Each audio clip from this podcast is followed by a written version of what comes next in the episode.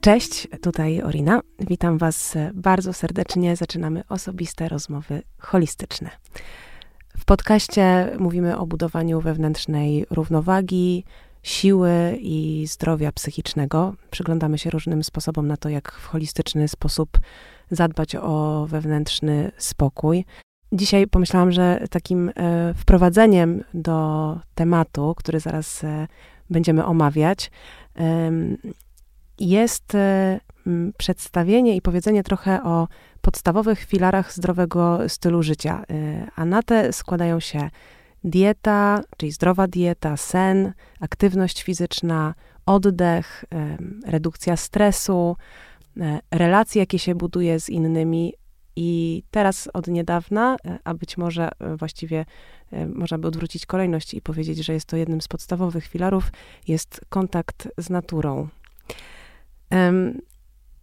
Dzisiaj mam ogromną, ogromną przyjemność gościć w, tutaj w studio Kasię Simonienko. Kasia, dziękuję, że przyjechałaś. To jest numer jeden i że jesteś. Bardzo dziękuję. To jest dla mnie ogromna przyjemność. Po pierwsze, że cię mogę zobaczyć znowu, e, a po drugie, że będziemy rozmawiać o takich e, fajnych, ciekawych i myślę, że potrzebnych dzisiaj szczególnie rzeczach. E, tak, absolutnie, bo mam wrażenie, że to, jak zaraz cię przedstawię, ale jednak to, czym się zajmujesz, wpisuje się tak bardzo w trend, po pierwsze, tych czasów, które nadchodzą, a po drugie, odpowiada na jakiś ogromny deficyt i potrzebę i może być już e, myślę, że nie będę przesadzać, jak powiem, jakimś rodzajem remedium na wiele naszych problemów, e, o których być może nie zdajemy sobie tak bardzo sprawy, bo przyzwyczailiśmy się do pewnego trybu życia, który przysłania to, że mm, na co dzień, nie wiem, jesteśmy po prostu w jakimś takim syntetycznym świecie. Troszkę takim laboratoryjnym, troszkę można powiedzieć w naszym mniemaniu ulepszonym, bo mamy mniej dzikości i więcej komfortu. E, I to jest e, taki temat rzeka, który zaczyna się w takim niebezpiecznym kierunku ześlizgiwać, e, bo my ewoluujemy cały czas i jako gatunek spędziliśmy tysiące lat w środowisku przyrodniczym. W miastach jesteśmy stosunkowo krótko. E, ale padają takie pytania, czy to nie znaczy, że my przy, przyzwyczajamy się już ewolucyjnie do życia w mieście? No skoro jesteśmy tak um, istotami elastycznymi, to może ta ewolucja też idzie w tym kierunku, że przyroda jest w ogóle niepotrzebna, a, e, a miasto będzie dla nas e, synonimem komfortu i bezpieczeństwa. I ostatnio właśnie czytałam takie bardzo ciekawe badania, które mówią o tym, że mm, z poziomu psychologicznego, e, czyli z naszych przekonań, e, tak może być, że miasto nam się zaczyna kojarzyć z czymś bezpiecznym, dobrze znanym, e, natomiast nasze ciało zupełnie na to nie reaguje. Chociaż jest nam tutaj wygodnie, to ani nie redukuje się stres na poziomie fizjologicznym, ani nie poprawia się nasza odporność, ani nie wchodzimy w takie relacje międzygatunkowe, które by mogły się zadziać, gdybyśmy byli w przyrodzie. I coraz więcej mamy pokus takich internetowych, internetowo-VR-owych i się zaczyna to bardzo rozjeżdżać, bo mamy w tle katastrofę klimatyczną, e, mm. topnieją lodowce, w ogóle dzieją się straszne rzeczy, wymieranie gatunków, e, a my tworzymy e, uniwersum internetowe, gdzie przy pomocy gogli możemy sobie wyobrazić, że świat rzeczywisty nie istnieje, bo przecież jest fajniejszy w internecie, więc to jest taki troszkę niepokojący obraz. Tak, aczkolwiek myślę, że nie unikniemy pewnej pewnej równowagi i spotkania w końcu i budowania pomostu pomiędzy taką e, nową technologią i wszystkim tym, co się buduje i to idzie i mhm. ten, ten rozwój cywilizacyjny, no nie powstrzymamy go, ale nie zapominając o tym, że cały czas e, jesteśmy tu w, wśród natury i jesteśmy jej po prostu częścią. Tak. A o tym mi się wydaje zapomnieliśmy. Tak, tak. A... Ale nie możemy Aha. pędzić, muszę cię okay. przedstawić. Przecież Kasia, y, ja jestem absolutnie zakochana. Zacznę może od końca. Jestem, y, jestem zakochana w twojej książce y, Nerwy w las, którą mam ze sobą. Y, bardzo, bardzo wam ją polecam. Jak odnaleźć spokój i radość życia. Kasia, jesteś psychiatrą. Obroniłaś pracę doktorską z zakresu etnobotaniki, toksykologii oraz psychiatrii. E, pracujesz na co dzień w, w poradni psychiatrycznej Alenort. E, oprócz tego Od 2018 roku jesteś licencjonowaną przewodniczką Białowieskiego Parku Narodowego. Należysz, czy należałaś do japońskiej organizacji Infom zajmującej się Shinrin-yoku, o czym myślę powiemy, mam nadzieję, czyli dosłownie leśnymi kąpielami. Zajmujesz się prowadzeniem warsztatów terapii lasem pogłębionej o techniki wyobrażeniowe i ćwiczenia oddechowe. Badasz terapię lasem naukowo i propagujesz wiedzę medyczną z tego zakresu w kraju i za granicą. I jesteś autorką książek tej, o której wspomniałam, ale też terapia lasem w badaniach i praktyce i lasoterapia. Tak jest. Przepraszam, musiałam to po prostu, już, już, już byśmy poszły dalej, ale okay. y, bardzo mi zależało, żeby powiedzieć o wszystkich wspaniałych rzeczach, które robisz, bo jestem naprawdę pod ogromnym wrażeniem. Bardzo mi miło. E, w każdym razie, e, ja tylko jeszcze nawiązując do, do twojej książki, odkąd ją przeczytałam, to tak pierwsze w sumie, co zrobiłam, to pojechałam po prostu do lasu. Wsiadłam w samochód, co prawda, bo mieszkam w miejscu, w, w centrum miasta bez właśnie dostępu za bardzo mhm. do takiego lasu, o którym ty mówisz i którym się zajmujesz. Ale, ale zrobiłam ten wysiłek i po prostu pojechałam się przejść E, z, tak, z, taką świadomością, że może, może to być naprawdę inny rodzaj spaceru niż taki, e, który byłby takim spacerem z słuchawkami w uszach i e, szybkim marszem, e, takim, do którego byłam normalnie przyzwyczajona. To super, bo taka też jest intencja tej książki, nie tylko żebyśmy sobie o przyrodzie mogli poczytać, ale przede wszystkim, żebyśmy je mogli podoświadczać. E, nie tylko pooglądać, ale tak jak mówisz, e, wyjąć te słuchawki, które często się pojawiają na spacerach i zacząć uważnie słuchać, e, co tam e, może się odzywać, grać, szumieć, szeleścić, e, żebyśmy mogli tą przyrodę dotknąć, powąchać i wejść w takie interakcje bardzo zmysłowe, a, z drugiej strony bardzo osobiste, czym bardziej one będą osobiste, tym bardziej przyroda zacznie się stawać czymś takim swoim, oswojonym, takim przyjacielem, e, a nie tylko jakąś taką abstrakcyjną rzeczą, którą, nie wiem, możemy sobie obejrzeć w niedzielę. Krystyna Czobówna nam przeczyta, e, jakie to są piękne, różne widoki, wyłączymy telewizor i koniec. Mm. Tylko żebyśmy się mogli po prostu zanurzyć, zanurkować w tą dzicz e, i zobaczyć, jakie to jest fajne doświadczenie, a nie tylko wiedza.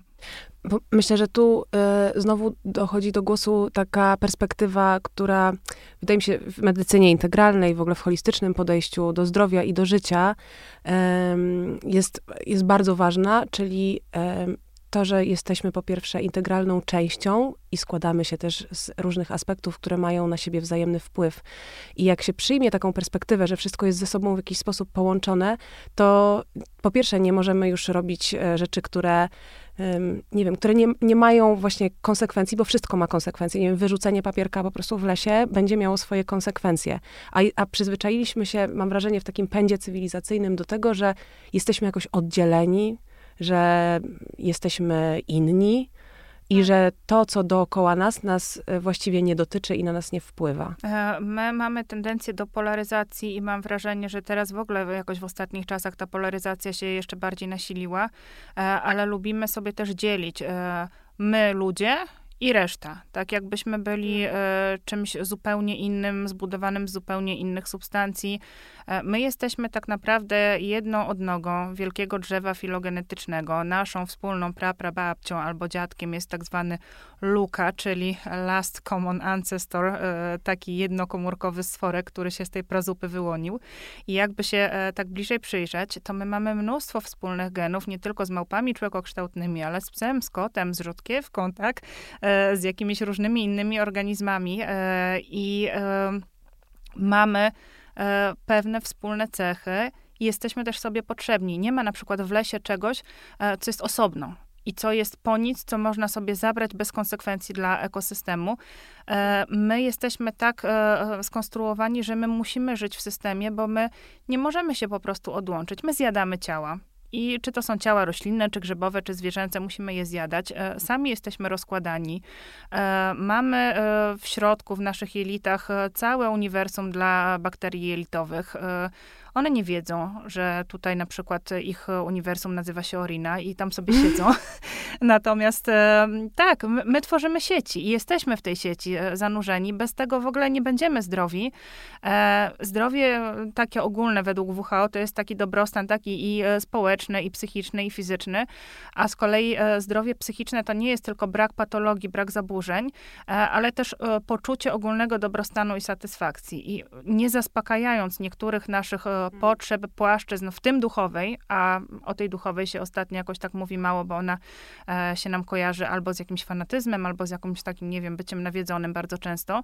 W świecie nauki się rzadko mówi o duchowości. E, no to po prostu e, nasze pewne aspekty nie będą e, zaspokojone, nie będziemy e, odczuwali pełni, a właśnie ta pełnia warunkuje to, żebyśmy byli w zdrowiu, mm. takim w tak, pełnym to tego jest, słowa znaczeniu. To jest zupełnie inna koncepcja zdrowia, wydaje mi się, niż do tej pory funkcjonowała, bo ona daje nam e, takie, mam wrażenie, mm, otwiera drzwi do rozwoju i do bycia w ciągłym ruchu, i do doświadczania, i do poszerzania, a nie jest czymś zastanym i takim, takim, wiesz, po prostu jednowymiarowym, tylko faktycznie zdrowie jest rozumiane jako, ja, ja tak teraz mhm. myślę, dzisiaj, z dzisiejszej perspektywy tak patrzę na zdrowie i takie rozumiem, jako, e, jako też mój rozwój osobisty i codzienne rytuały i wszystko to, co robię, nawet takie małe decyzje, one, one wiem, że będą to moje zdrowie jakoś mhm. warunkować na różnych poziomach. To jest e, trochę i pierwotna koncepcja e, i taka bardzo,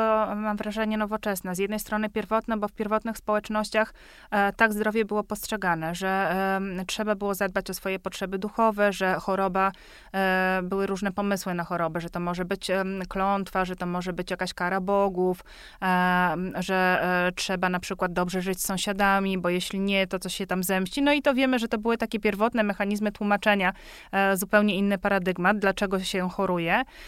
potem poszliśmy w bardzo taki evidence-based medicine, nurt, który tylko i wyłącznie badał dane i to jest bardzo potrzebne.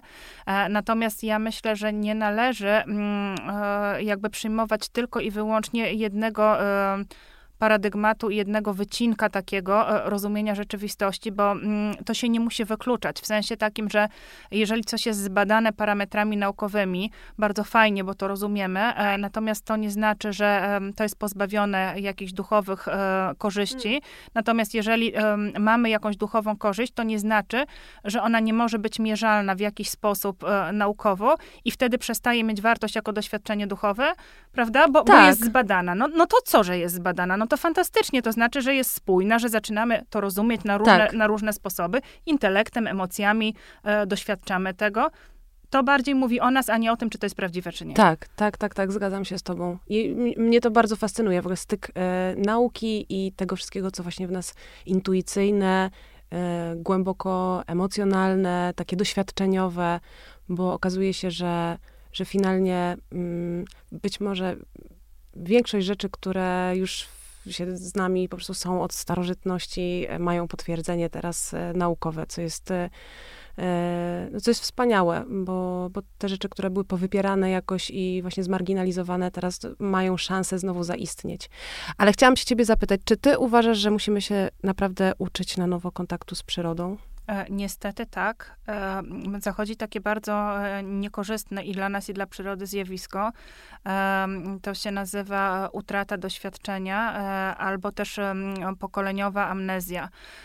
I mówi się o tym, że to jest taka spirala ujemnego sprzężenia zwrotnego, że nasze dzieci mają dużo mniej doświadczeń przyrodniczych niż na przykład mieli nasze dziadkowie, przez co mają dużo mniej frajdy, to jest dla nich nieważne. Przyroda się nie staje tłem jakichś ich przygód, e, fascynacji, e, dobrych rzeczy, które mogą powspominać, tylko staje się takim nudnym w zasadzie dodatkiem, nie angażuje emocjonalnie, więc jest mniejsza troska o nią, mniejsza potrzeba, żeby swoje dzieci tam zabierać i kolejne pokolenie ma jeszcze mniejszy kontakt, jeszcze bardziej e, jakby marginalizuje jej znaczenie.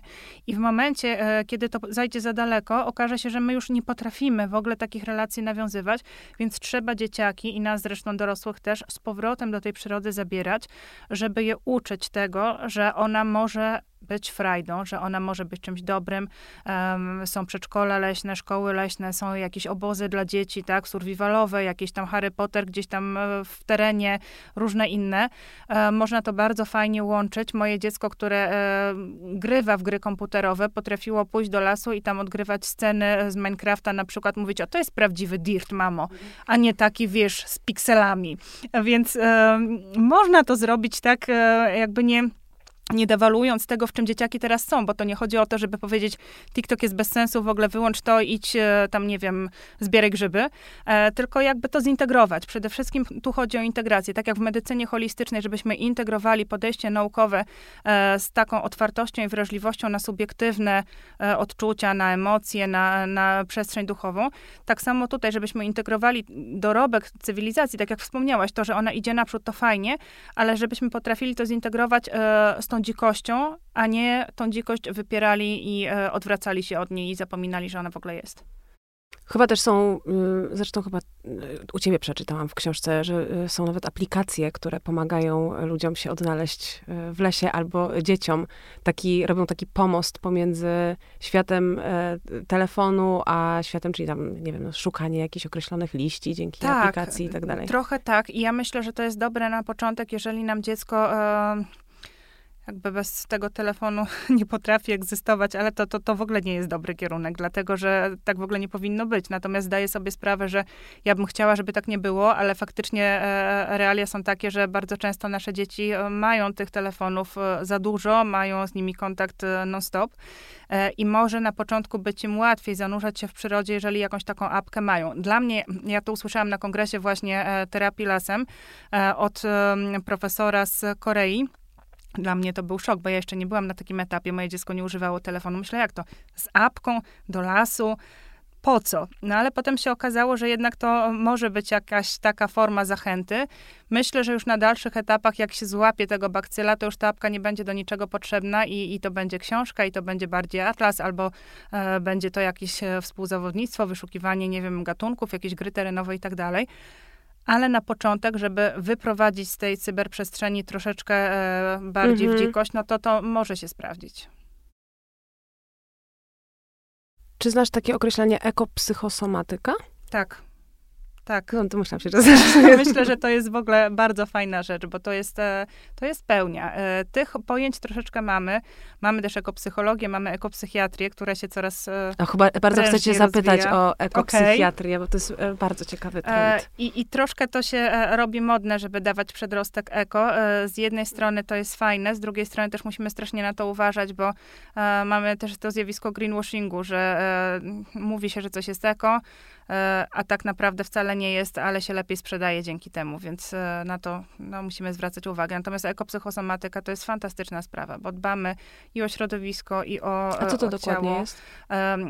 Tutaj e, jakby musimy wziąć pod uwagę taki całościowy aspekt tego, że nasze środowisko przyrodnicze wpływa na to, jak funkcjonuje nasz umysł, a umysł wpływa na to, jak funkcjonuje nasze ciało. Więc e, jakby zaburzenia psychosomatyczne to są często zaburzenia na tle lękowym, nerwicowym, my mamy za dużo stresów, za dużo obciążeń i zaczynamy reagować z ciała. Tworzą się choroby na przykład takie jak zespół jelita drażliwego, zaostrza się astma, e, zaczynamy mieć duszności, kołatanie serca, chodzimy po różnych lekarzach i się okazuje, że w zasadzie nic e, w tych badaniach nie ma niepokojącego, a nasze ciało choruje i nie wiemy dlaczego. To, to są zaburzenia psychosomatyczne. Natomiast ekopsychosomatyka patrzy jeszcze szerzej, tak? Mhm. Jaki wpływ przyrody um, może tutaj, um, jak ta przyroda może wpływać na to, że nasz umysł zaczyna reagować tak, jak, um, jak nie powinien i co można zrobić w kontekście właśnie naszego kontaktu z naturą, żeby nasze ciało też było uh, w dobrostanie, rozluźnione, uh,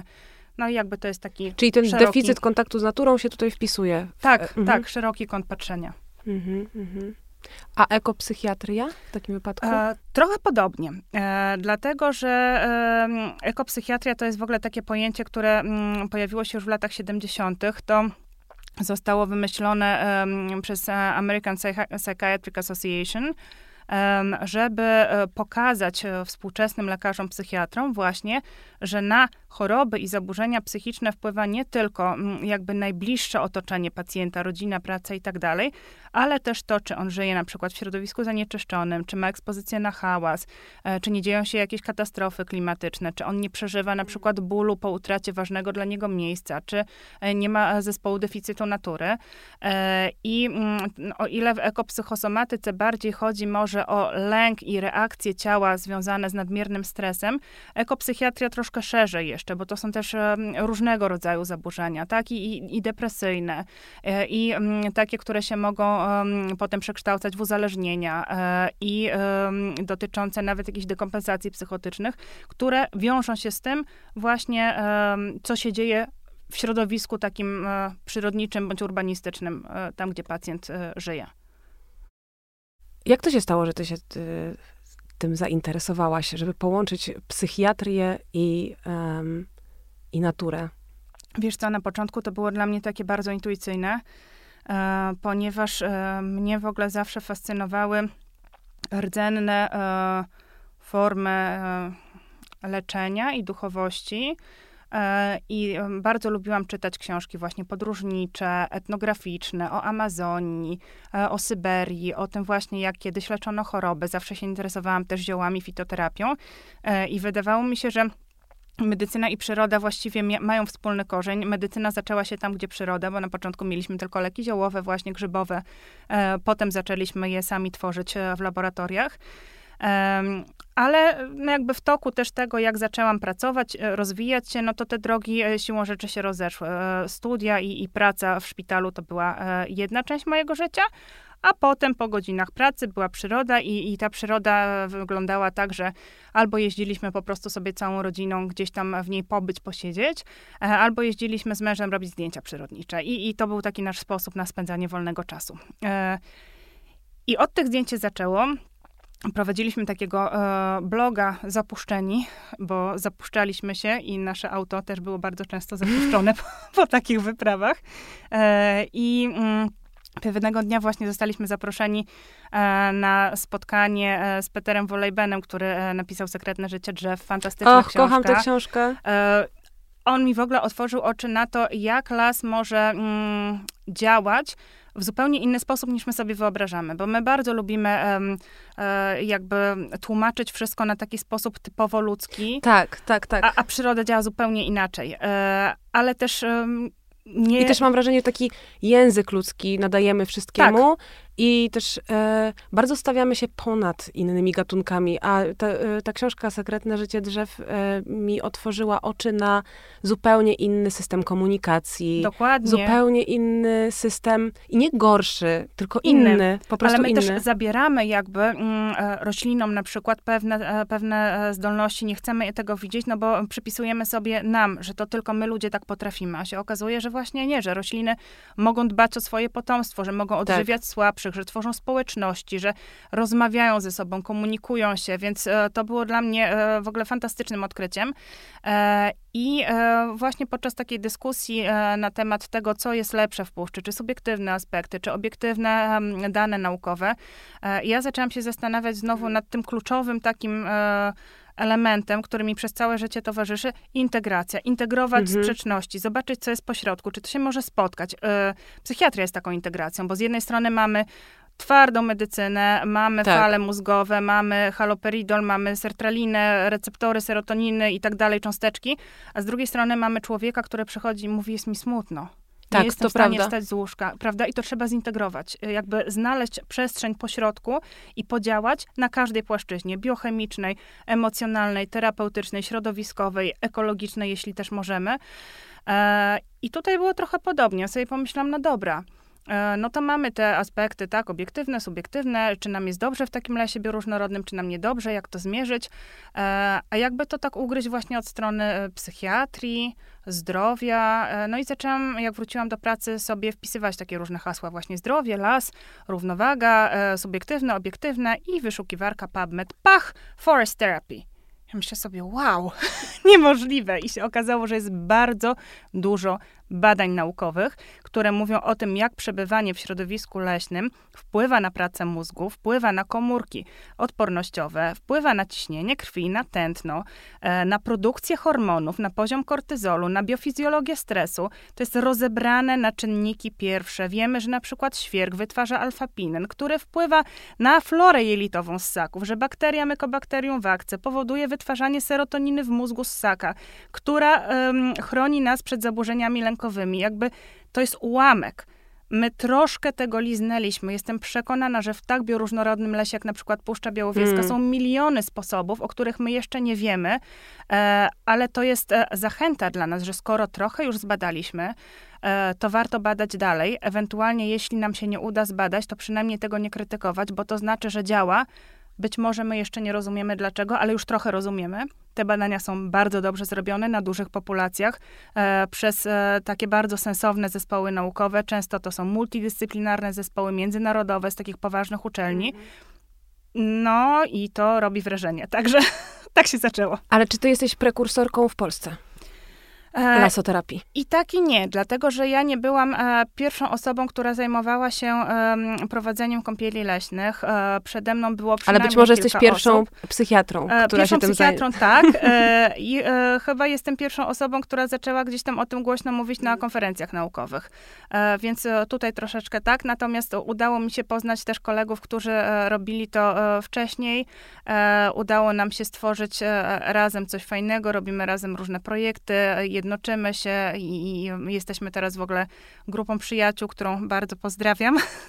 E, I, i, I mam nadzieję, że z tego się w ogóle stworzy coś dobrego, bo e, chcemy, żeby zawód przewodnika kąpieli leśnych był takim już e, oficjalnym, uznanym zawodem w Polsce, żebyśmy mieli swoje jakby takie przestrzenie, żeby się zawodowo realizować, swoje szkolenia, swoje konferencje, publikacje, no i, i żebyśmy się mogli rozwijać, bo myślę, że to jest bardzo ważny zawód tak naprawdę i, i potrzebny. Kasia, to w takim razie y, czym są kąpiele leśne w porównaniu też do lasoterapii albo zwyczajnego spaceru po prostu mm. w lesie? E, spacer to jest po prostu spacer, tak? Możemy pójść, pogadać, poplotkować, e, możemy włożyć słuchawki w uszy, po prostu przejść i, i spędzić ten, ten, czas w lesie tak, jak e, uważamy. E, natomiast lasoterapia, terapia lasem, kąpiel leśna to są w zasadzie, można powiedzieć, synonimy, e, które różne stowarzyszenia w różnych częściach świata próbują e, gdzieś tam rozróżniać. E, ale każdy to tłumaczy w inny sposób. E, w Japonii na przykład profesor Miyazaki, który w ogóle wymyślił te dwa pojęcia, e, osobno terapia lasem, osobno kąpiel leśna, powiedział, że kąpiel leśna to jest takie doświadczenie lasu wszystkimi zmysłami, czyli tylko, nie tylko oglądanie, ale też właśnie wąchanie, słuchanie, dotykanie. Te zmysły stare filogenetycznie, czyli dotyk, węch, one najbardziej wpływają na reakcję naszego ciała, najbardziej redukują poziom stresu, więc jakby najważniejsze jest, żeby móc tego lasu sobie podotykać. Um, Niektórzy pytają, czy się trzeba przytulać do drzew. No jakby nie trzeba. To nie jest tak, że one wydzielają, znaczy może wydzielają, myśmy tego jeszcze nie zbadali, natomiast my tego nie wiemy, czy to chodzi o jakąś energię drzew. W kąpielach leśnych my się nie zajmujemy e, ezoteryką czy energią drzew, zajmujemy się wpływem faktur i temperatur i wilgotności i e, cząstek biochemicznych monoterpenowych wydzielanych przez drzewa e, na nasz układ percepcyjny, bo, bo to przede wszystkim o to chodzi. Więc to wąchamy, dotykamy, słuchamy, można też smakować, tylko żeby wiedzieć, co się je. Ostrożnie. E, ostrożnie, tak. E, ale można rzucić świerkowe igły, bo mało jest drzew e, iglastych, trujących. Jeśli nie ma cisów, to czy, czy to będzie sosna, czy świerk, to się nie zatrujemy. Natomiast to jest takie trochę jak guma do rzucia o smaku Bożego Narodzenia. Mam takie skojarzenie. W każdym razie, mm, lasoterapia, czy tam terapia lasem, według Miyazakiego to jest ta kąpiel leśna, ale opisana w sposób naukowy, czyli idziemy do lasu i tam mierzą nam ciśnienie, e, poziom kortyzolu we krwi, idziemy z konkretnym przewodnikiem, który się będzie zajmował e, pokazaniem nam ćwiczeń, które mają za zadanie zredukować stres, wychodzimy, mamy wszystko zmierzone jeszcze raz i mamy czarno na białym, co się zadziało z naszym organizmem. A kąpiel leśna to jest po prostu to samo, e, tylko, tylko być może takie indywidualne doświadczenie. Indywidualnie. Zachodnie towarzystwa zaczęły rozróżniać to jakby, że kąpiel leśna to jest właśnie ten zmysłowy spacer, a terapia lasem to jest jeszcze coś dodatkowo, czyli na przykład techniki relaksacyjne, właśnie mm. praca z oddechem i tak dalej. Ja wcześniej byłam przy tym bardziej, że to, to może jest bardziej sensowne, a teraz tak sobie myślę, że jednak ten podział może jest taki trochę jednak sztuczny, e, bo w zasadzie to las jest terapeutą tutaj, to on nas e, e prowadzi, e, wzbu wzbudza pewne skojarzenia, wzbudza w nas różne emocje e, i e, w zasadzie jedno i drugie to jest e, coś bardzo podobnego, natomiast e, kąpiel leśna to jest taki termin bezpieczny, bo tam się nie grzebiemy, tam nie analizujemy, nie, nie, nie robimy rzeczy takich psychoterapeutycznych, bo to też nie jest psychoterapia. To jest po prostu spacer z pogłębieniem zmysłów. A jak często i jak długo trzeba przebywać w lesie, żeby to już było kąpielą albo lasoterapią? E, badania mówią, że minimum 20 minut. E, tych badań jest troszkę i e, Brytyjczycy na przykład stwierdzili, że przynajmniej raz na dwa tygodnie takie godzinne wyjście do lasu już nam poprawia poziom e, odporności psychicznej i fizycznej. E, Japończycy e, zbadali poziom komórek odpornościowych. Okazało się, że jeżeli spędzimy weekend w lesie, czyli jednego dnia to będą na przykład dwie godziny, drugiego dnia cztery godziny, sobota i niedziela, to potem przez kolejny miesiąc będziemy mieli lepszą odpowiedź immunologiczną. Więc tych badań trochę mamy. Myślę, że 20 minut no to, to jest jest takie minimum, żebyśmy w ogóle zdążyli trochę odpłynąć od tego tempa takiego cywilizacyjnego, wejść w te wszystkie procesy, a maksimum, a ile sobie życzymy? Mm. Rozumiem, przeciwwskazań nie ma. Nie, chyba, że zmarzniemy, albo będzie wilgotne, albo złe warunki atmosferyczne, to oczywiście wszystko e, w granicach rozsądku. Natomiast jeżeli jest fajnie i przyjemnie, no to można tak żyć po prostu. A ty jak często chodzisz do lasu? Mm, ja muszę, bo moje psy potrzebują siku, więc ja chodzę regularnie. E, I też mam to szczęście, że mieszkam pod lasem. ale zdarza się też tak, że na przykład mam jakiś taki dzień, kiedy akurat nie mogę wyjść e, i e, muszę być w domu, albo jestem chora, e, albo po prostu jestem zmęczona, więc to nie jest tak, że ja każdy dzień dzień w dzień w tym lesie siedzę. Staram się często i też to jest bardzo różnie, bo czasami idę do lasu zadaniowo. E, idę, bo tam mi się w głowie układa, e, idę, bo potrzebuję tematu na przykład e, na, na jakieś wystąpienie i tak myślę sobie, co by tutaj wynaleźć, żeby o tym poopowiadać. I łapię się na tym, że to jest niedobre, bo to zabija frajdę z doświadczenia, więc staram się iść do lasu po prostu z otwartą głową i być tam w sposób taki beztroski. To się robi w kąpielach leśnych. My nie, nie powinniśmy mieć żadnych oczekiwań. Po prostu pójść z ciekawością dziecka i zobaczyć, co będzie. I to jest chyba takie najfajniejsze i najzdrowsze i najlepsze e, podejście. Ale nie masz wrażenia, że właśnie otwierając e, się tak na doświadczenie, wtedy y, najlepsze pomysły przychodzą do głowy. Ja mam takie poczucie, że jak idę z koncepcją, że jestem nastawiona gdziekolwiek, y, ale idę z jakąś taką, y, taką silną potrzebą, żeby tak, coś wymyślić, tak, tak. to właściwie mało z tego wyduszę. A jak po prostu otwieram się na doświadczenie, gdziekolwiek nie jestem, nawet siedzę i wiesz, po prostu jestem z oddechem albo z czymkolwiek innym, ale jestem naprawdę tu i teraz, to faktycznie te pomysły przychodzą mi do głowy o wiele łatwiej, albo gdzieś wychodzą ze mnie, bo, bo im daje przestrzeń. Tak, one w ogóle płyną, mam wrażenie, że to wszystko przez siebie przepływa. E, to, co teraz powiem, będzie bardzo intuicyjne i bardzo mało naukowe. E, nie znaczy, że to będzie jakaś herezja naukowa, tylko chyba po prostu jeszcze nie mamy narzędzi, żeby to zbadać. E, ale mam wrażenie, że z lasem można nawiązać osobistą relację. E, I ja czasami tak mam takie poczucie, e, że przyroda, która jest wokół mnie, jest jakby przedłużeniem mojego ciała. Ja tak odbieram Puszczę Białowieską, że to jest jakby, że to też jestem ja. I przepraszam, jedne badania były na ten temat. E, porównano osoby, które mówią, że przyroda jest dla nich przyjemnym środowiskiem. Druga grupa mówiła o tym, że przyroda jest dla nich jak dom, a trzecia grupa e, mówiła o tym, że utożsamiają się z naturą. I okazało się, że ta grupa, która się utożsamia, najwięcej czerpie inspiracji, pomysłów, korzyści zdrowotnych, ale też jest najbardziej podatna na e, zranienia, jeżeli coś z tą przyrodą się dzieje nie tak. I faktycznie to jest taki miecz obosieczny. Z jednej strony bardzo dużo możemy czerpać, z drugiej strony możemy być bardzo poranieni, e, jeżeli e, coś się dzieje złego w ekosystemie. No bo to tak jakby nas ktoś ranił osobiście. Tak to czujemy. Tak. Ciekawa jestem też, czy, czy częstsze przebywanie w lesie uruchamia w nas większą empatię. Myślę, że tak. Przede wszystkim pokorę. E, dlatego, że to zależy też od rodzaju lasu, ale taki las e, bardzo dziki, naturalny, z e, starymi drzewostanami, gdzie jest też dużo śmierci, dużo rozkładu, który wcale nie jest straszny, tylko jest potrzebny i, i koło życia się kręci i, i, widzimy, że to jest piękne i nawet to obumieranie i dawanie przestrzeni na e, nowe zjawiska, to jest wszystko potrzebne. E, to jest miejsce, w którym my możemy przeżyć coś takiego, co anglosasi określają mianem o, tak jak awesome, czyli e, takiej nabożnej zgrozy, szacunku pomieszanego z zachwytem. I e, ja tak w Puszczy Białowieskiej miewam, że po prostu staję w obliczu majestatu i myślę sobie, wow, Więc tak, możemy się dużo nauczyć. Myślę, że empatii też, ale nie tylko empatii. Radzenia sobie z samotnością, bo w lesie e, nigdy nie ma samotności. My nie jesteśmy oderwani. E, radzenia sobie z przerostem ego. Tam nikt nas nie mm. ogląda. My w ogóle nie musimy ani się umalować, ani się starać. I to może niepokoić, ale też może dawać e, wytchnienie jesteśmy wystarczająco dobrzy, czy grubi, czy chudzi, czy jacykolwiek, czy heteroseksualni, czy homoseksualni. Homoseksualizm jest wśród zwierząt naturalnym zjawiskiem, więc one nie będą mówić, że e, co ty w ogóle robisz, no bo one też tak robią. I jakby to wszystko tam ma swoje miejsce. Tam nie musimy nic udawać yy, i to też budzi wdzięczność. Czym więcej naszych emocji tam zostaje i stamtąd wychodzi do nas, yy, tym bardziej mam wrażenie, ta więź się staje żywa i nas, yy, nas też może odżywić w jakiś sposób.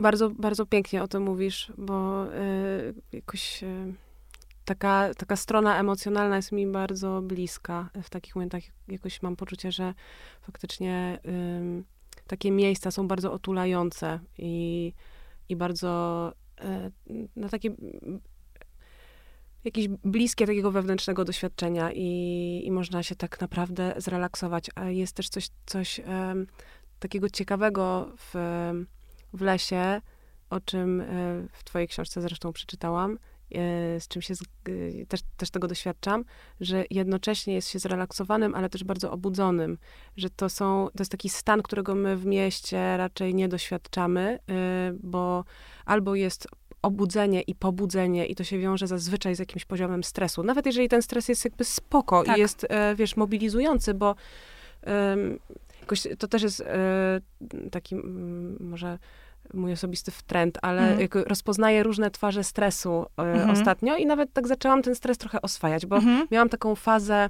że y, nie znosiłam stresu i bardzo, bardzo y, z nim wojowałam i jakoś tak, wiesz, starałam się mhm. redukować, redukować, redukować.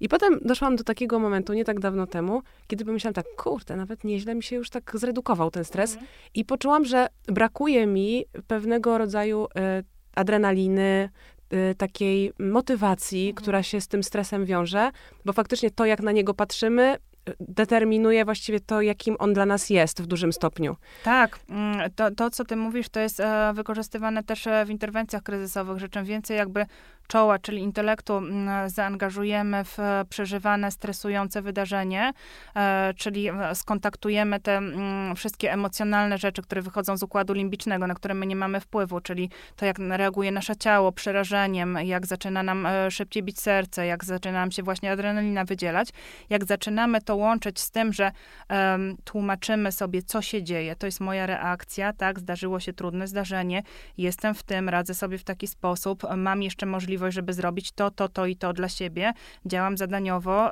um, kontaktuję się jakby z tą częścią logiczną, to ten stres um, dużo łatwiej się ogarnia i on nie zostawia takich głębokich śladów. Mm -hmm, nie powoduje, że potem tak, e, coś nas wytrąci i my wchodzimy z powrotem w ten stan. Więc, więc to jest prawda. E, na, Ale jest w lesie, mam wrażenie, że jest coś innego. Tak. W przyrodzie jest, jest trochę inny rodzaj mobilizacji i być może nawet i stresu, bo ostatnio miałam też taką historię, y, będąc w Kazimierzu mhm. Dolnym, y, że z, y, byłam z koleżanką na spacerze i zobaczyłyśmy mamy, mamy dzika, mhm. czyli panią dzik z małymi. Mhm. I ona tak, to naprawdę wyglądało bardzo bajkowo, bo ona była na takim, szłyśmy taką doliną, czy takim wąwozem mhm. właściwie i ona tak przebiegła, zatrzymała się na górze, zobaczyła nas i był taki moment spotkania. My Mhm. oczywiście, y, wiesz, po prostu zamarłyśmy, y, reakcja freeze Mhm. i ona pobiegła dalej. I to oczywiście, że był stres, ale to był taki, to był trochę inny rodzaj stresu. A taki stres trochę z radością? No tak, no ja, wow? ja, nie no, ja się poczułam jak w Disneyu, no. A, no właśnie. Troszkę jest w tym mm, pułapek, dlatego że e, my właśnie mamy czasami tendencję do takiej bambizacji. To zupełnie u ciebie tego nie Bambizacja. było, dlatego że ty przeżyłaś stres, ale część osób na przykład e, widzi niedźwiedzia w Tatrach i myśli, A. o misio, jaki słodki, nie No wilczuś. e, to nie o to nam chodzi. E, Nie, nie, to aż tak, aż tak to tak. zdawałam sobie sprawę, że to, to jak najbardziej na miejscu jest ta reakcja. E, Niektórzy u nas na przykład w Białowieży sobie robią selfie z żubrem. No to jest straszne. Potem są y, y, zdziwione osoby, że, że ten żubr się zdenerwował i gdzieś tam pogonił kogoś. E, ale z drugiej strony My czasami potrafimy tą przyrodę demonizować e, i stąd się tworzą tak zwane biofobie. Nam się wydaje, że wilk to zaraz będzie atakował, że zje, e, że nie wiem, jak dzik, to od razu trzeba na drzewo szybko zmykać, a weź i zmykaj na to drzewo. No tak, ale to jest skrajności w Tak. skrajność, a nie ma w tym takiego doświadczenia faktycznie po prostu bycia z przyrodą taką, Dokładnie. jaką ona jest i odpowiadania na to, co widzę dokładnie, bo czas, czasami to może być realne zagrożenie, czasami może nie być to wcale zagrożeniem, ale jest jakimś takim alertem, właśnie coś takiego Mhm. pobudzającego w tym jest, a jednocześnie jest ten rodzaj rozluźnienia, który... ja zaraz opowiem od kuchni, bo to oczywiście rozebrano na czynniki pierwsze i sprawdzono o tym, że jeżeli nam coś e, w przyrodzie się wydaje straszne, to czasami warto e, o tym coraz więcej sobie czytać i tego doświadczać w granicach zdrowego rozsądku i się często okazuje, że to są nasze uprzedzenia i że to tak naprawdę wcale nie jest takie straszne, jeżeli my rozumiemy i wiemy, jak się zachować, tak? Jeżeli widzimy na przykład żubra, jelenia,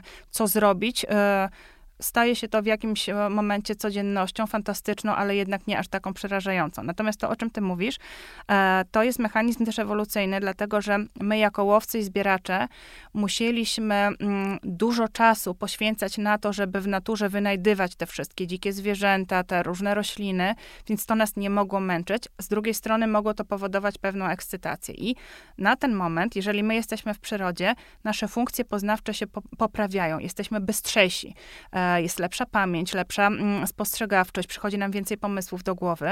E, mówi o tym tak zwana mm, teoria mm, przywracania uwagi e, kaplanów, e, w skrócie ART, czyli Attention Restoration Theory. Kaplanowie to takie małżeństwo właśnie psychologów, którzy odkryli to zjawisko i okazuje się, że w lesie zachodzi zjawisko miękkiej fascynacji. To znaczy, że my wyłapujemy mnóstwo rzeczy, mózg wchodzi na wyższe obroty, no ale nasz przodek nie mógł się tym męczyć, więc my się relaksujemy i odprężamy. Śledzimy różne e, tropy, e, obserwujemy zwierzaki, nie umykają nam szczegóły, zaczynamy być bardziej wrażliwi.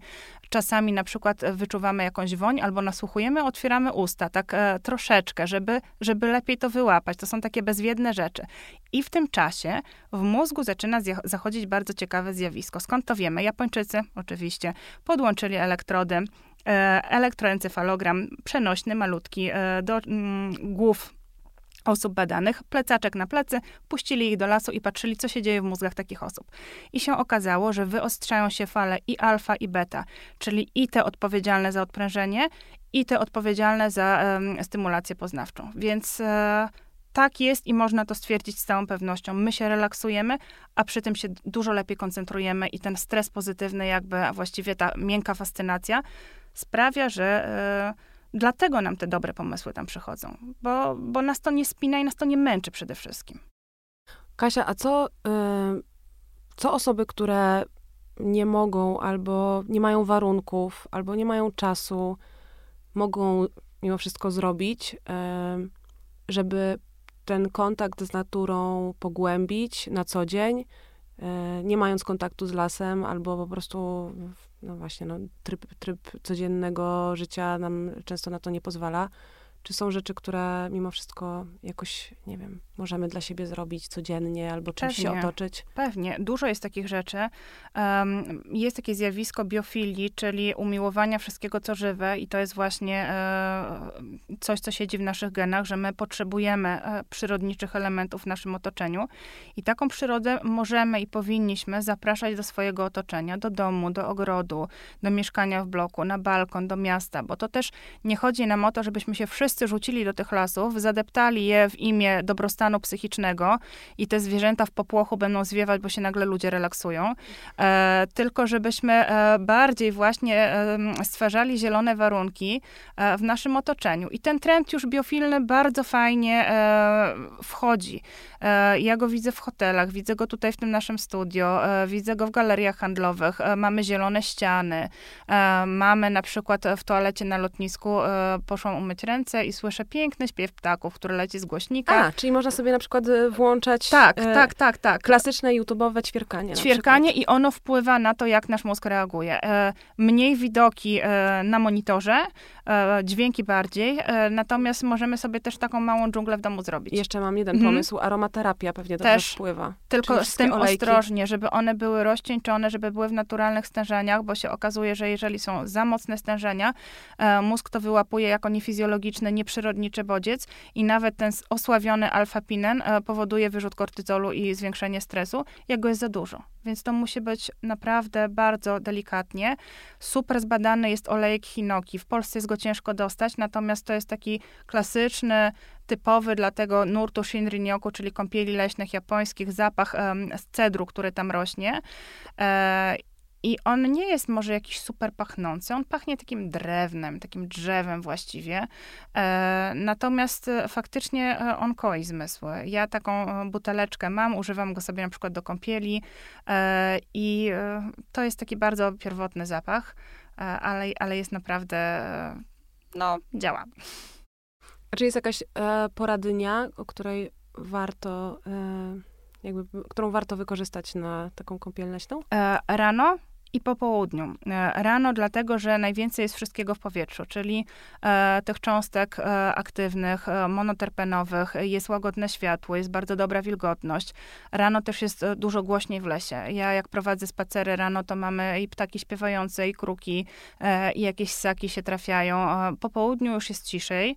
E, natomiast jeżeli ktoś ma problemy ze snem, to taki popołudniowy spacer jest dobry, żeby się wyciszyć i żeby mm, ten rytm snu i czuwania e, bardziej się e, unormował, żeby nasz sen był też bardziej efektywny, taki regenerujący, to, to wtedy wieczorem jest super. No i w nocy można też, bo to jest zupełnie inne doświadczenie. Taka nocna wyprawa do lasu może trochę przerażać, ale jak się potem człowiek już z tym otrzaska, to to jest w ogóle fantastyczne przeżycie też.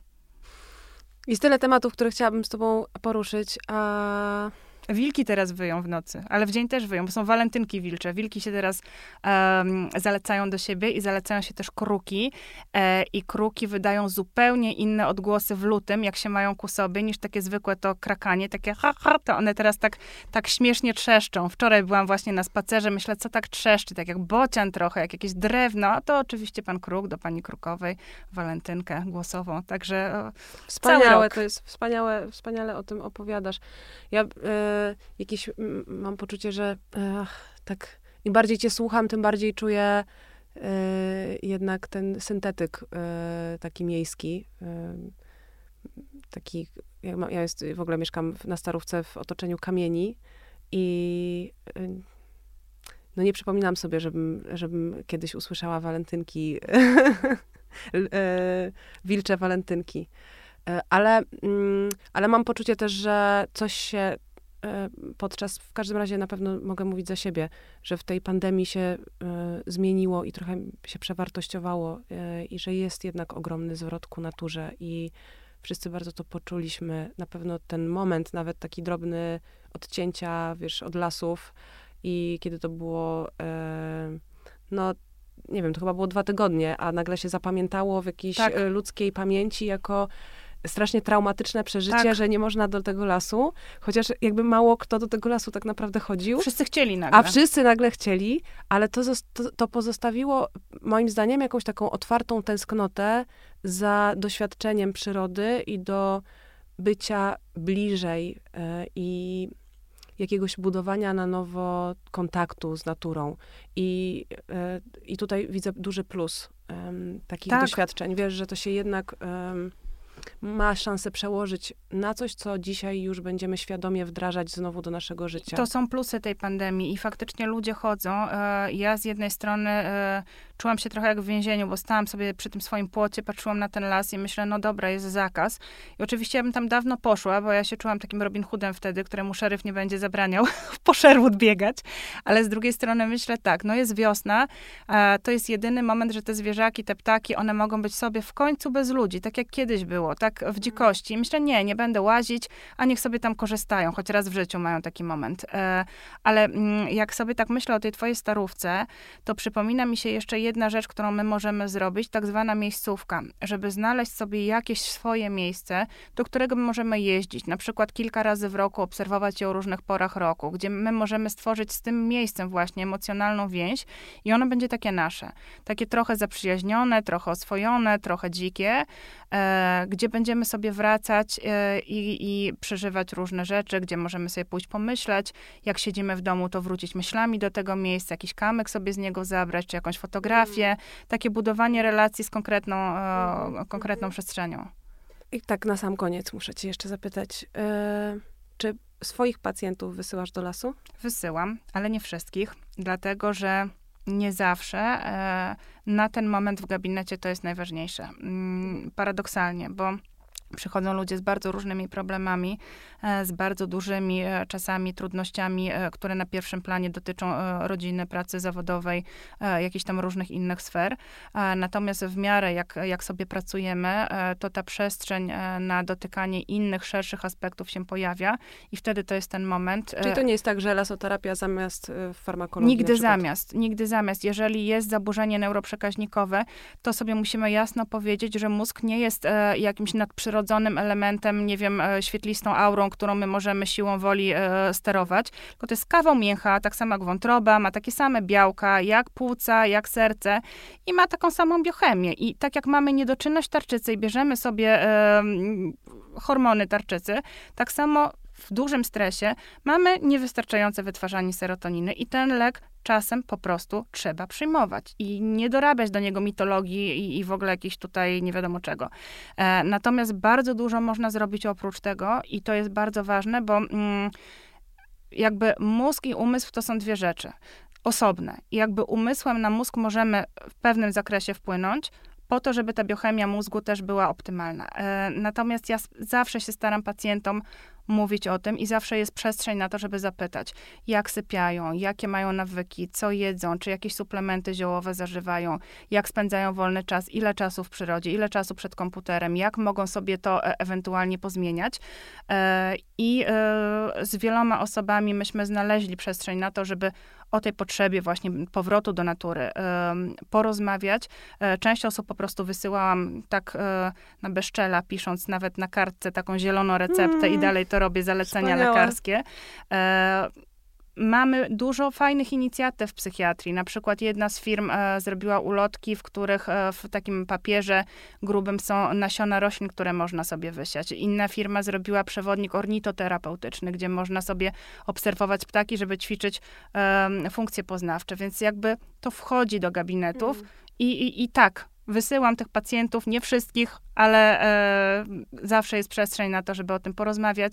E, no i jak tylko ktoś się czuje gotowy, lasu się nie boi przede wszystkim, to myślę, że to jest bardzo dobra opcja, żeby korzystać. Za darmo zresztą. Dobra, to na koniec. E, gdzie szukać więcej informacji i gdzie można oprócz e, w poradni, o której wspomniałam na początku, cię znaleźć? Mm, jeśli chodzi o terapię lasem, to ja szukam w PubMedzie. To jest taka wyszukiwarka e, naukowa, e, gdzie wpisuję często właśnie forest therapy czy forest bathing i tam te, te artykuły naukowe na bieżąco są e, wyświetlane.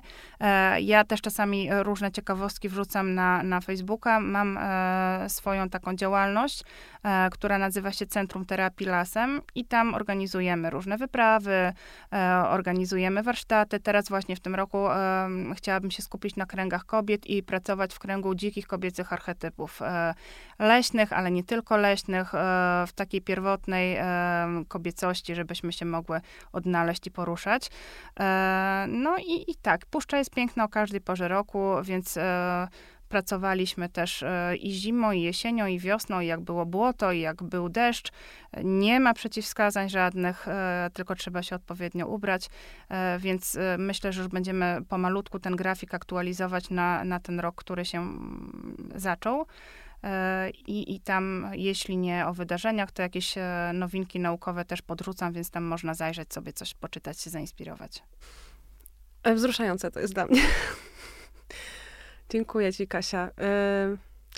Jeszcze miałam takie ostatnie, ostatnie pytanie, bo bardzo mnie to ciekawi. Czy uważasz, że y, w ogóle y, psychiatria i y, praca nad zdrowiem emocjonalnym i wewnętrzną równowagą y, w tym kierunku podróżuje, czy czujesz się dalej jak taki trochę E.T. na ziemi? Nie, że, w ogóle nie. Że, że, w ogóle nie. Ja się nawet tak od początku nie czułam.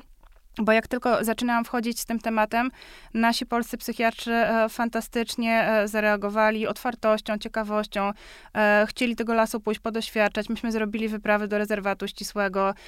Zrobiliśmy z doktorem Murawcem wyprawę ornitoterapeutyczną, więc jakby wielka, wielka otwartość polskiego środowiska naukowego, ale też na świecie to się dzieje. I są komisje, są sekcje różnych towarzystw, które ekopsychiatrią się zajmują naprawdę na poważnie poważnie od dwóch lat, bo w tym roku będzie drugi e, już taki panel e, na zjeździe Polskiego Towarzystwa Psychiatrycznego. Będzie panel ekopsychiatryczny, wykłady na ten temat, e, różnego rodzaju doniesienia naukowe i w czasopismach branżowych też, więc jak najbardziej to idzie do przodu. Bardzo się cieszę, bo my musimy jednak pamiętać, że zdrowie to planeta, planeta to zdrowie, no i nie da się tego oddzielić. Dziękuję.